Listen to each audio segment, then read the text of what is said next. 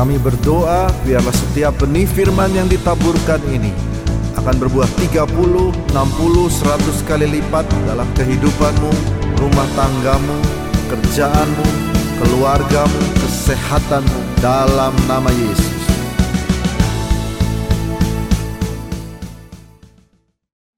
Firman hari ini akan sangat relate buat para bapak-bapak, buat para pria.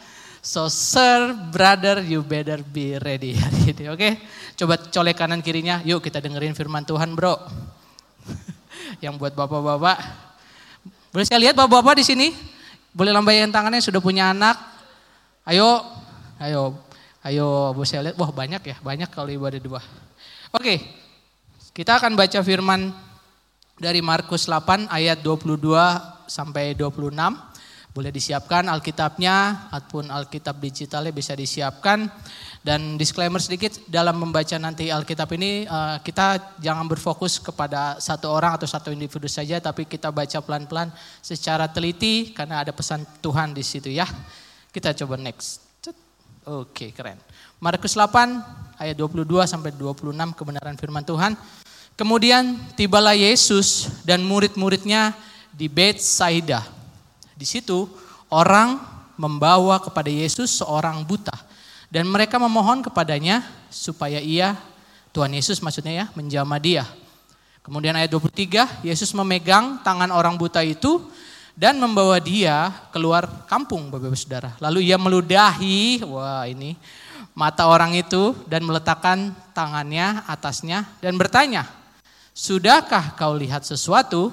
Ayat yang 24. Orang itu memandang ke depan.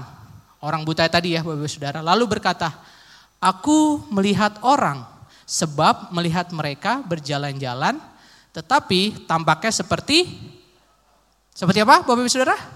Seperti pohon-pohon. Ayat 25, Yesus meletakkan lagi tangannya pada mata orang itu jadi ini adalah sentuhan yang kedua. Maka orang itu sungguh-sungguh melihat dan telah sembuh. Sehingga ia dapat melihat segala sesuatunya dengan jelas. Berarti sentuhan yang pertamanya itu masih ngeblur, masih buram Bapak Saudara. Baru yang kedua baru terlihat jelas. 26 sesudah itu Yesus menyuruh dia pulang ke rumahnya dan berkata, jangan masuk ke kampung. Bapak Saudara pasti sudah sering mendengar tentang kisah ini, tentang uh, kisah mujizat Tuhan menyembuhkan orang buta di Bethsaida ini. Dan tentunya saya bisa tebak Bapak Saudara akan sangat tertarik ke bagian yang Tuhan Yesus meludah, meludahi. Benar ya Bapak Saudara? Uh, ya memang luar biasa ayat ini cukup unik karena Tuhan Yesus menyembuhkan orang dengan cara meludahi gitu ya. Cukup saya juga selalu berdoa agar ketika saya mengajar di Sunday School saya nggak kebagian materi ini. Karena saya bingung nanti untuk menjawab anak-anak kan kritis ya. Kak Daniel ini kenapa sih Tuhan Yesus kok meludah? Aduh saya bingung jawabnya. Untung, untungnya saya belum pernah kebagian materi ini. Tapi saya mau sharing banyak tentang uh, firman hari ini. Kemudian justru yang ketika saya membaca uh, perikop ini ya Bapak Saudara. Yang menarik dari ayat dan kisah ini ternyata adalah di bagian ayat uh, 24-nya. Ketika orang buta itu pertama kali diludahi dan disentuh matanya sama Tuhan. Orang buta itu berkata, Aku melihat orang sebab melihat mereka berjalan-jalan tetapi tampaknya seperti pohon-pohon. Maksudku ini orang sebelumnya buta, kemudian dia melihat kenapa dia hal pertama yang dia lihat atau yang setidaknya dia ingat kenapa pohon gitu Bapak Ibu Saudara. Itu cukup membuat saya bertanya-tanya gitu kan. Bahkan di versi bahasa Inggrisnya, sini saya catat. Ini yang lebih jelas versi King James. And he look up and said, I see men as trees walking. I see men as trees. Berarti mens ini berbicara plural, berarti ini jamak, jadi ada orang-orang, tapi ini berbicara secara khusus dan secara spesifik. Laki-laki, sayangnya versi bahasa Indonesia dibilangnya orang-orang. Nggak jelas ini apakah orang perempuan atau orang laki-laki. Tapi versi bahasa Inggris ini begitu jelas dibilangnya men. Siapa di sini yang men boleh lambaikan tangannya? Yes, yang nggak angkat tangan saya nggak saya tanya. Berarti wanita maksudnya gitu Bapak Saudara. Nah, kemudian saya bertanya lagi kan, kenapa pohon gitu ya yang tadi saya bilang. Kenapa pohon gitu? Ke, Ibu, Bapak Ibu mungkin e, dulu waktu sekolah gitu atau teman-teman yang dulu sekolah mungkin sering mendengar istilah yang e, namanya kita suka bikin silsilah keluarga, pohon silsilah keluarga, benar ya? Waktu TK apa SD gitu ya, kita suruh gambar, ayo gambar pohon silsilah keluarga, siapa nama papa, mama, om, tante, kakak, adik gitu ya.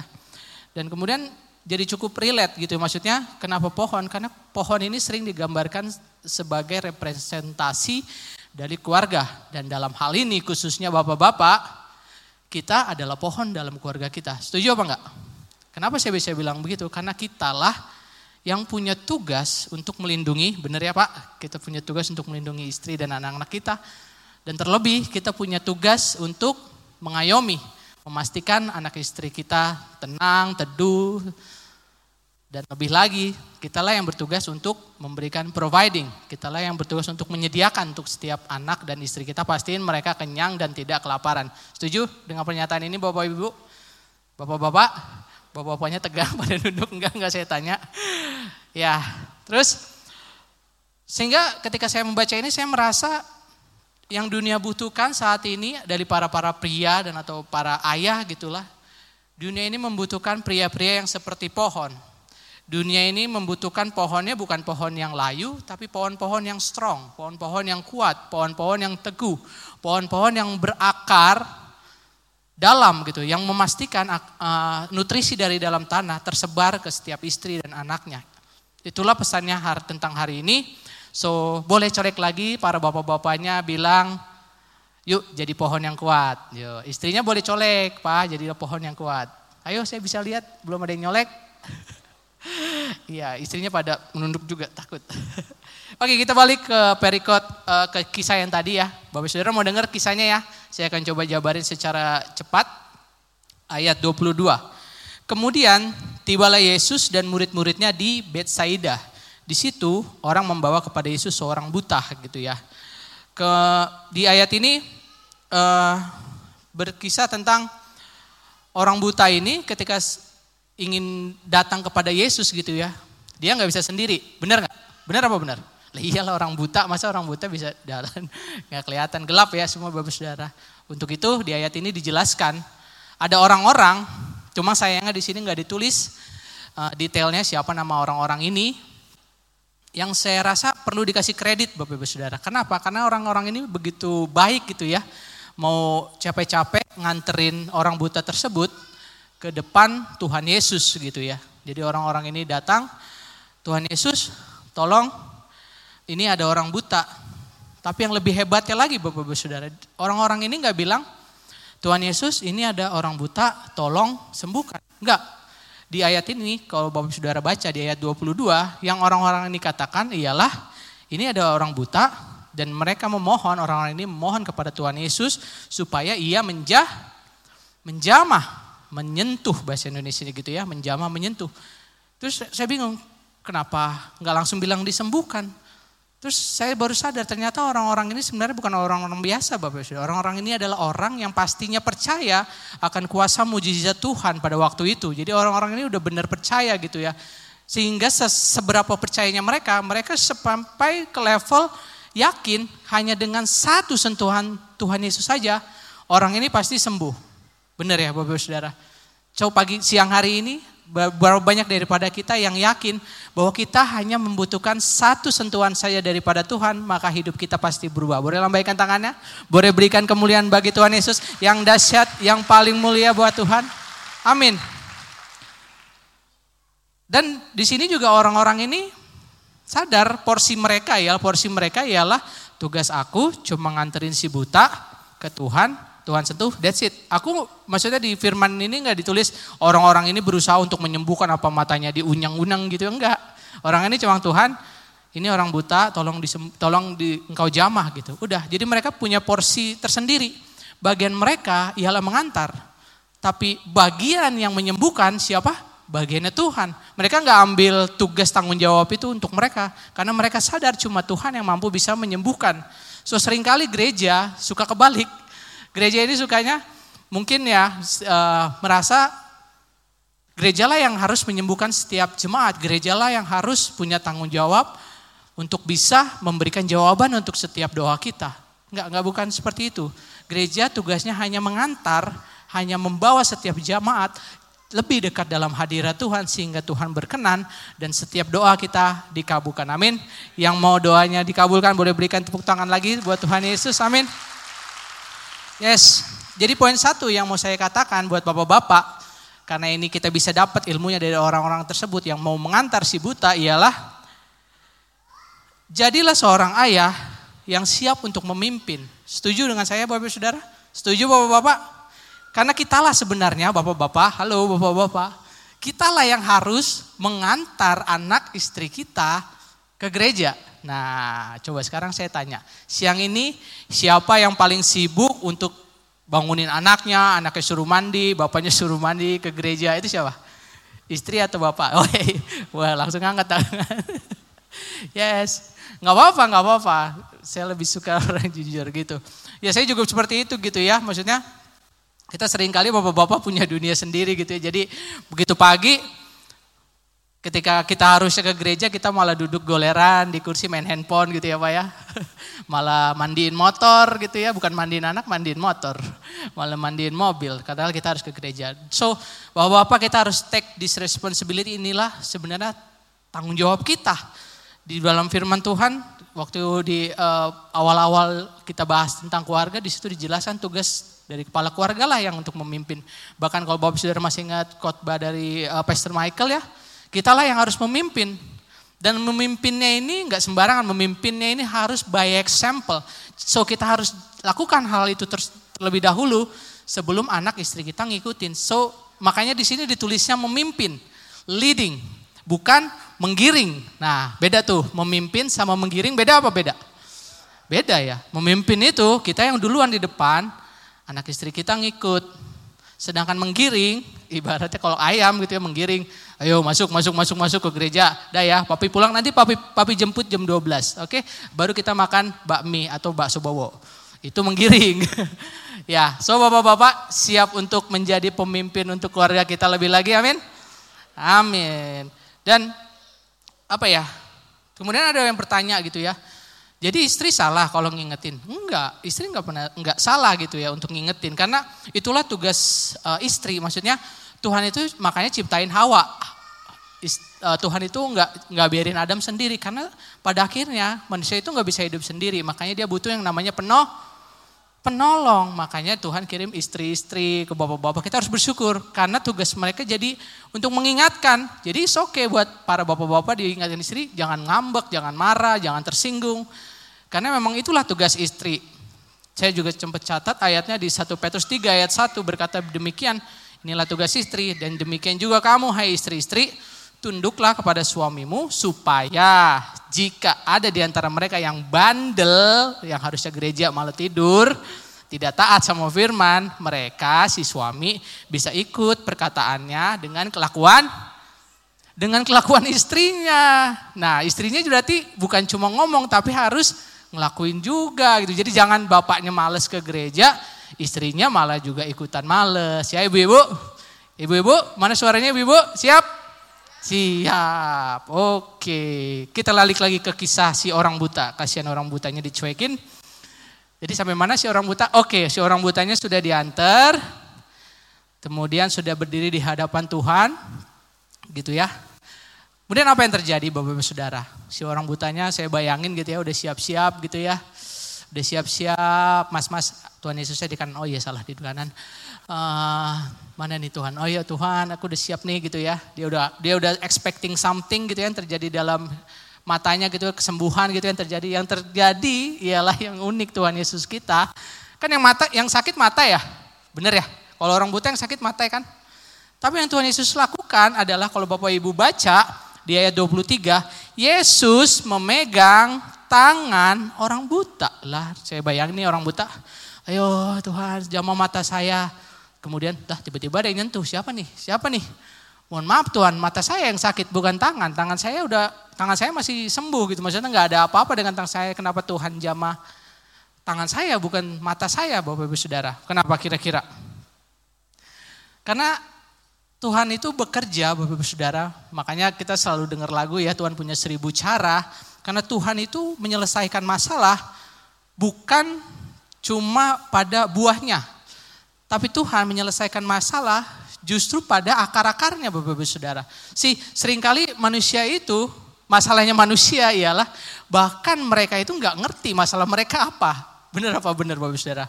Pernah nggak merasa, saya kenapa begini ya? pernah pernah ada perkataan seperti itu? Padahal Bapak sendiri yang lakuin gitu ya. Kenapa ya saya ngelakuin itu ya? Kok bisa begitu sih saya gitu ya? Itulah kenapa masalahnya manusia itu seperti itu. Bahkan mereka nggak sadar mereka punya masalah apa gitu ya buat bapak-bapak. Mungkin apa ya kalau bapak-bapak misalnya uh, berjudi atau misalnya minum minuman keras gitu ya. Sebenarnya hal tersebut ialah buah, maksudnya adalah by produk produknya dari kepahitan yang lain. Mungkin mungkin ya. Mungkin di dalam pekerjaannya stres gitu ya kan kita nggak pernah tahu sehingga kita minum. Jadi minum-minum itu bukan masalahnya. Masalah masalahnya ialah mungkin pekerjaan kita tidak baik gitu sehingga kita melakukan hal tersebut. So Tuhan bekerja, sekali lagi yang kalau Bapak Ibu Saudara mau catat, Tuhan bekerja seperti itu. Dia bekerja langsung pada titik permasalahannya, bukan pada produknya. Gitu ya Bapak Saudara. So lanjut lagi ke, ke si orang buta gitu ya. Tadi sampai mana tadi saya memegang tangan gitu ya. Setelah pegang, ya udahlah si orang butanya, ah mungkin Tuhan mau ngapain kali ini ya. Nah yang aneh lagi Tuhan Yesus setelah memegang tangan orang buta itu, dia lakukan apa? Dia menarik tangan orang buta itu, dia membawa si orang buta itu keluar. Ya ini si orang buta saya bayangin, lah ini udah bukan mata, terus cuma tangan dipegang, terus di, diarahin jalan keluar kampung gitu ya. Pasti orang buta ini bertanya-tanya, aduh Tuhan kenapa sih? Langsung aja di situ gitu disembuhinnya gitu ya. Kenapa Tuhan repot-repot bawa saya keluar kampung gitu ya? Kenapa nggak di on the same spot gitu? Kenapa nggak langsung di situ aja gitu? Ada yang tahu alasannya Bapak Ibu Saudara? Ada yang tahu? Saya juga tadinya bingung kenapa sih kenapa nggak langsung di situ gitu ya. Kemudian setelah saya e, cari-cari Bapak Ibu Saudara, ternyata kalau kita balik ya ke ayatnya yang 22, ini adalah kampung yang namanya Bethsaida. Kampung Bethsaida. Kemudian saya research, makanya saya nggak taruh di slide, mohon maaf di Matius 11, buat Bapak Saudara yang bawa Alkitab bisa dibuka. Matius 11 ayat 20-21, izinkan saya bacain. Lalu Yesus mulai mengecam kota-kota yang tidak bertobat. Sekalipun di situ ia paling ia paling banyak melakukan mujizatnya. Celakalah engkau, Korazim, celakalah engkau, Bethsaida. So kampung ini ternyata adalah kampung yang dikecam Tuhan Yesus saya juga baru tahu Tuhan Yesus ternyata ngecam kota gitu ya. Saya baru dengar Tuhan Yesus ternyata pernah kecam suatu kota. Kenapa dia kecam? Balik lagi ke ayat 20. Ternyata karena di daerah ini Tuhan Yesus itu sebenarnya paling banyak melakukan mujizat. Tapi tetap orang-orang di sana gak mau percaya sama Tuhan. Jadi bebal gitu ya Bapak Saudara. So Tuhan Yesus harus tarik ini orang buta. Dia harus bawa orang buta ini keluar dari area yang negatif dari kampung yang negatif. Karena apa? Karena buat apa Tuhan Yesus melakukan mujizat? Saya bayangin kalau bisa Tuhan Yesus melakukan mujizatnya di situ ya Bapak Saudara dan dengan orang-orang yang nyinyir gitu ya, dengan orang-orang yang negatif ketika orang buta itu melihat gitu ya. Katakanlah dia dicelikan matanya di kampung itu langsung, dia melihat, wow, kampung ini indah ternyata, wah ada warung, wah ada mall misalnya gitu ya. Terus kemudian ada orang lewat, ya ini orang buta norak banget, biasa aja kali itu memang dari dari dulu gitu kan. Kalau orang negatif gitu ya Bapak Ibu Saudara teman-teman. Kalau di tempat kerja kita punya istilah apa? Toksik, teman toksik ada ada ya di tempat kantor yang kerjanya ngeluh mulu, yang kerjanya kalau datang ya elah jam 5 masih lama lagi. Ada teman-teman, bapak-bapak, ada yang di daerah tempat kerjanya gitu mungkin ketika Datang sibuknya ngomongin bos. Ketika datang kerja sibuk ngomongin teman, bukan berkarya, bukan bekerja. So Tuhan harus tarik orang buta ini keluar. Seperti kita, kita juga harus berani untuk melangkah keluar dari zona negatif dalam hidup Bapak Ibu dan teman-teman semuanya. So poin kedua yang saya bisa saya catat adalah Get out from the village. Kita harus berani keluar, kita harus berani melangkah keluar dari zona negatif dalam hidup kita. Jangan takut Bapak Ibu Saudara karena harus seperti itu karena Tuhan aja ya.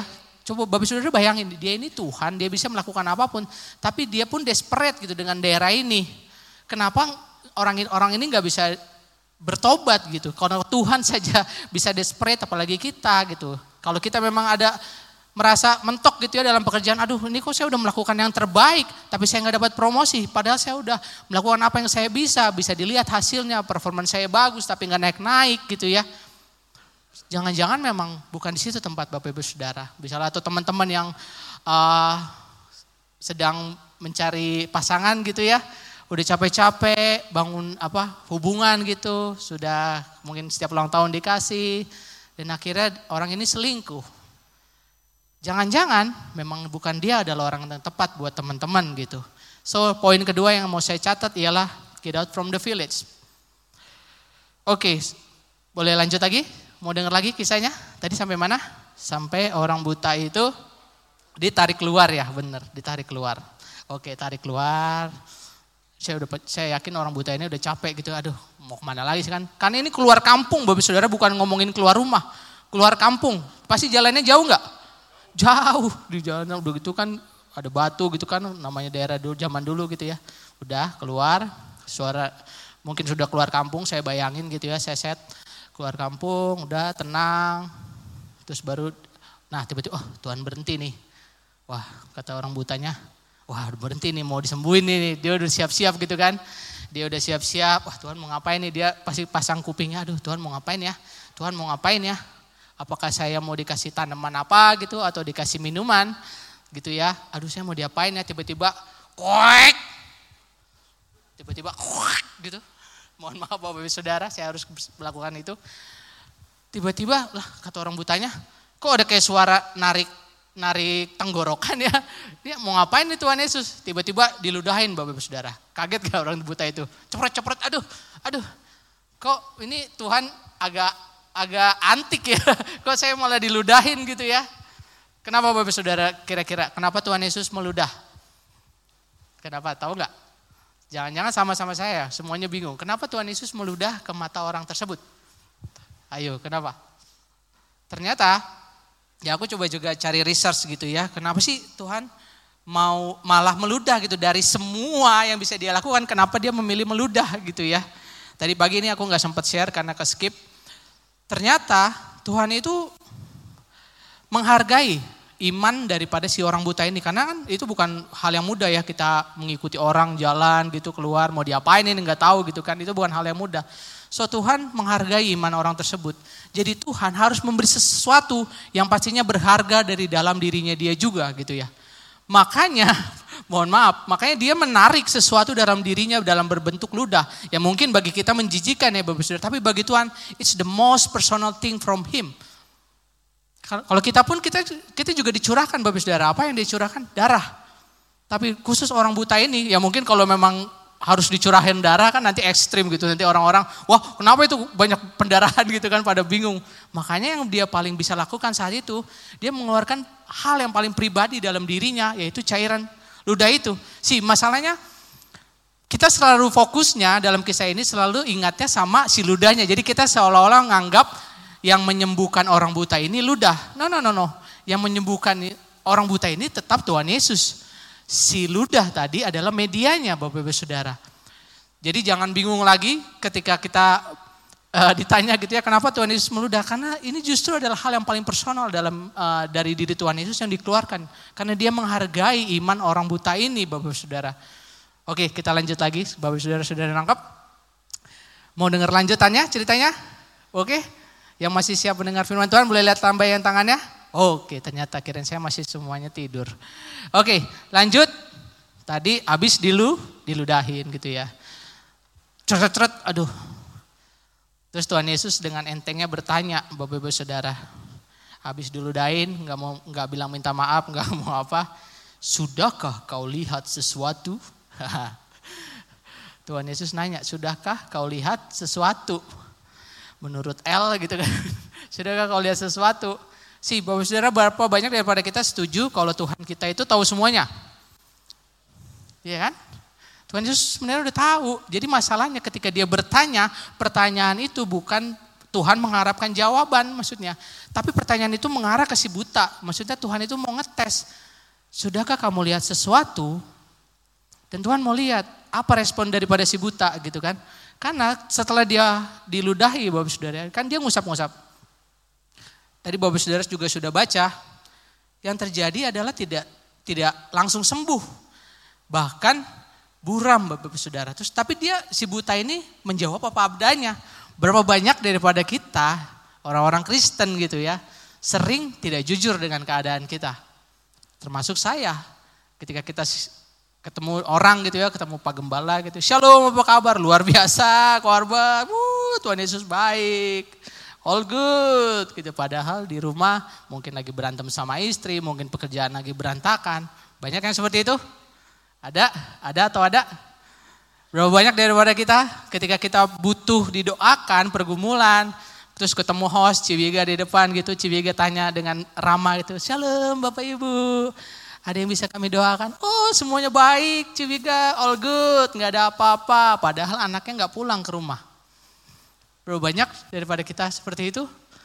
Si sering kali kita merasa, terutama bapak-bapak gitu ya, terutama benar koreksi saya kalau saya salah. Biasanya bapak-bapak itu pria sesungguhnya gitu ya.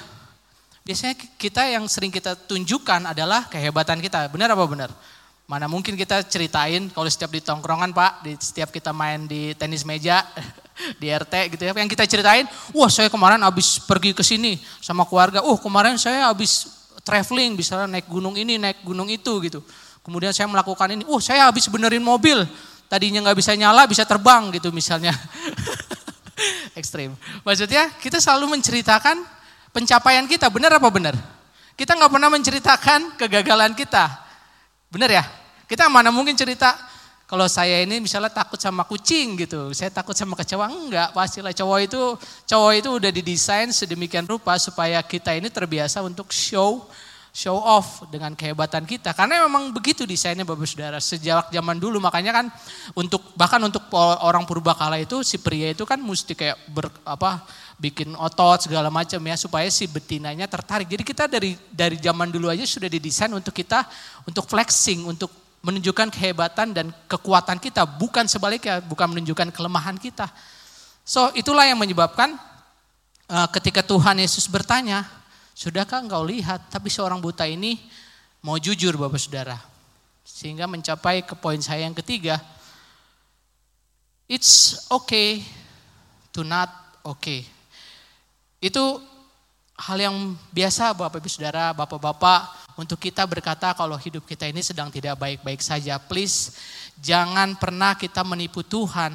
Please jangan pernah kita menutupi segala kelemahan kita, segala kekurangan dalam hidup kita dengan kita berpura-pura kepada Tuhan gitu ya. Karena pada akhirnya Tuhan itu nggak membutuhkan kesempurnaan kita, which is emang kita nggak pernah sempurna ya, setuju ya? Yang sempurna ialah yang sempurna ialah Tuhan pada akhirnya. So Tuhan itu mau kita menunjukkan kepada kita, kepada Tuhan gitu ya.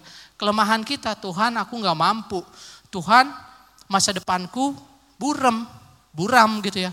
Tuhan ini jalan yang benar nggak ya? Tuhan apakah kalau aku melakukan ini engkau berkenan? Tuhan itu mau dengar seruan hati Bapak Ibu Saudara gitu. Dan ini jujur menampar keras saya, makanya pipi saya pada merah-merah ini. Enggak, pada panas. Karena ini benar-benar apa ya benar-benar kena banget ke saya gitu karena secara pribadi kebetulan karena saya adalah uh, salah satu koordinator di sini gitu ya saya merasa saya ini harus selalu tampil sempurna di setiap jemaat gitu. Saya ini nggak boleh terlihat sedang lusuh gitu ya. Saya ini harus terlihat selalu diberkati kutip tanda kutip. Secara kenapa saya berkata demikian? Karena bagaimana saya bisa cerita kalau Tuhan Yesus baik kalau jemaat ataupun uh, kebetulan Sunday School melihat saya, bagaimana saya bisa tunjukkan kalau Tuhan Yesus baik kalau dalam uh, kelihatannya keseharian saya, saya buram, saya jalannya bungkuk, saya kayak banyak pikiran, saya nggak bisa seperti itu gitu ya. Dan ternyata oke, okay, it's okay kalau kita itu nggak nggak perform bagus, it's okay kita kalau kita nggak mampu untuk melakukan suatu hal. Kita nggak harus selalu jadi Superman, bapak-bapak. Oke, okay? amin. Kita nggak harus selalu menjadi Superman, saya juga punya kekurangan, boleh tanya istri saya. Saya punya salah satu kelebihan ialah merusak barang, bukan merusak. Jadi kalau ada barang rusak, saya ini paling jago bongkar. tapi nggak bisa masang lagi. itu dia masalahnya gitu kan. Sehingga istri saya harus beli gitu ya. Dan istri saya punya kelebihan, jangan juga salah. Istri saya punya kelebihan menambahkan barang tersebut ke dalam keranjang belanja Shopee. Keren kan? Jadi saling melengkapi. It's okay, it's okay bapak-bapak. Kita nggak harus selalu jadi Superman. Kita nggak harus selalu jadi yang paling bisa. Kita nggak harus selalu jadi yang paling kuat. Karena kita pada akhirnya kita punya kepala. Kepala kita ialah Tuhan Ye. Tuhan Yesus berikan kemuliaan buat Tuhan Yesus kita. Lebih dahsyat lagi, lebih kuat lagi. Dan ini ada cerita sedikit di proyek saya. Kebetulan saya adalah konsultan Bapak Ibu Saudara.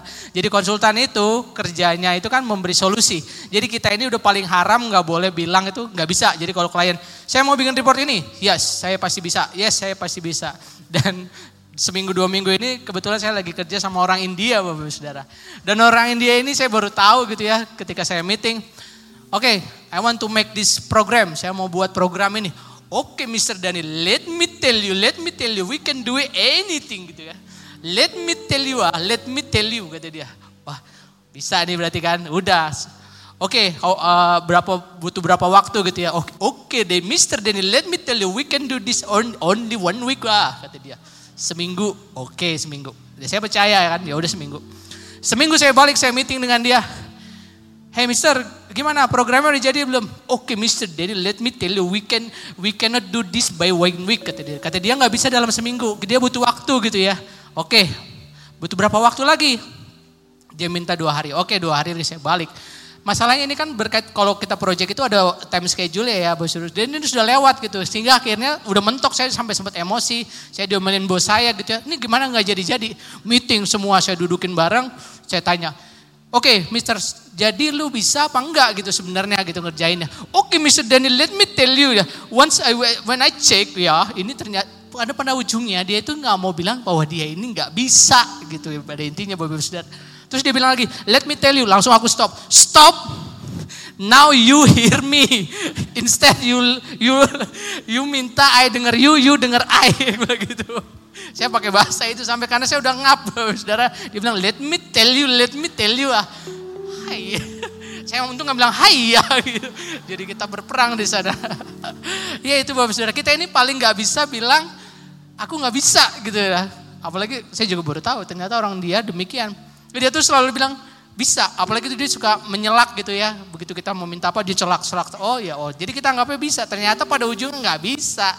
So buat bapak ibu saudara, buat bapak-bapak khususnya nggak apa-apa nggak bisa kita bisa belajar bapak ibu saudara, oke? Kemudian yang keempat, oh waktu saya sudah habis, sorry. Secara cepat yang keempat ialah don't give up on first touch. Tadi kita udah lihat ya, jadi setelah diludahi mata orang ini dikusap-kusap, dia nggak langsung sembuh Bapak Saudara. Di sentuhan pertama dia nggak sembuh. Berapa banyak tadi kita bilang bahwa cukup hanya satu sentuhan Tuhan Yesus pasti pulihkan kita. Ternyata enggak di kasus ini Bapak Saudara. Ternyata yang dibutuhkan ialah sentuhan kedua. Cuma masalahnya Bapak Saudara sekali lagi kita selalu mundur di sentuhan yang kedua. Kita ketika di sentuhan pertama Tuhan tolong aku, Tuhan tolong tapi nggak sesuai ekspektasi kita. Aduh masih belum jelas Tuhan aduh jadi memang ini bukan sih pekerjaan yang Tuhan mau, tapi kok saya nggak naik-naik gaji. Jadi ini bukan sih yang Tuhan mau. Dan akhirnya kita menyerah di sentuhan pertama dan kita merasa Tuhan itu nggak baik di sentuhan pertama. Padahal yang Tuhan mau ialah kita persisten. Kita terus kejar Tuhan, kita terus rajin gitu ya mengejar hadiratnya Tuhan. Kita terus memperbaiki diri kita sampai one suatu hari Tuhan jawab dan Tuhan memberikan clarity, Tuhan memberikan kejelasan dalam uh, penglihatan kita, Tuhan memberikan kejelasan dalam visi kita, Tuhan memberikan kejelasan dalam karir kita, Tuhan memberikan kejelasan buat teman-teman yang saat ini mungkin sedang mencari jodoh.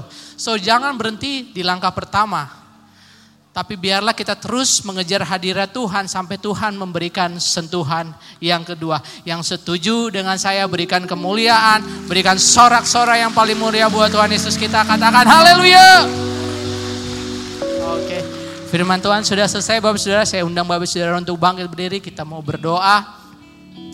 Buat Bapak Saudara yang saat ini datang bersama keluarganya, saya undang Bapak Saudara untuk saling bergandengan tangan Buat para istri boleh support suaminya, boleh digandeng tangannya, kita mau berdoa. Tuhan Allah Bapa kami yang bertata dalam kerajaan surga, kami berdoa saat ini Tuhan.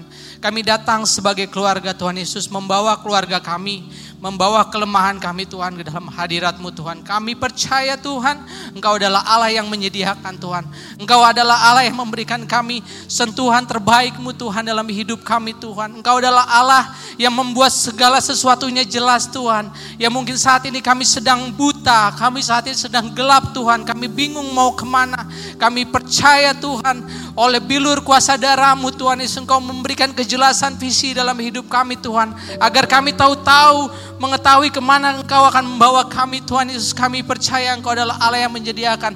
Kau berkati setiap bapak-bapak yang saat ini Tuhan sedang bingung Tuhan Yesus baik itu karir, baik itu untuk anaknya mereka bingung masa depannya. Tuhan kami percaya kami bersatu hati kami mau support bapak-bapak di tempat ini. Biarlah kasih Tuhan memimpin kami Tuhan Yesus. Memampukan kami memberikan kami hikmat Tuhan Yesus. Bagaimana kami menyediakan kepada anak-anak kami Tuhan Yesus. Terima kasih Bapak terima kasih Terima kasih Tuhan kami sudahi firman ini. Tapi kami percaya Tuhan firmanmu tidak berhenti di saat ini Tuhan. Engkau berbicara spesifik Tuhan kepada pribadi terlepas pribadi Tuhan Yesus. Biar kiranya ketika mereka pulang. Bapak ini tidak menjadi orang yang sama. Mereka menjadi Bapak yang heran Tuhan Yesus. Menjadi Bapak yang lebih baik lagi ketika mereka pulang Tuhan Yesus. Mereka menjadi lebih rajin membawa keluarga mereka lebih dekat dengan Engkau Tuhan Yesus. Terima kasih Bapak, terima kasih. Hanya di dalam nama Tuhan Yesus kami sudah berdoa. Mari kita mengangkat tangan kita. Kita mau siap menerima berkat daripada Tuhan. Terima kasih Tuhan Yesus. Kiranya Tuhan memberkati engkau dan melindungi engkau. Tuhan menyinari engkau dengan wajahnya dan memberi engkau kasih karunia. Tuhan menghajapkan wajahnya kepadamu dan memberi engkau damai sejahtera. Yang percaya yang sudah menerima berkat daripada Tuhan. Sama-sama kita katakan. Amin.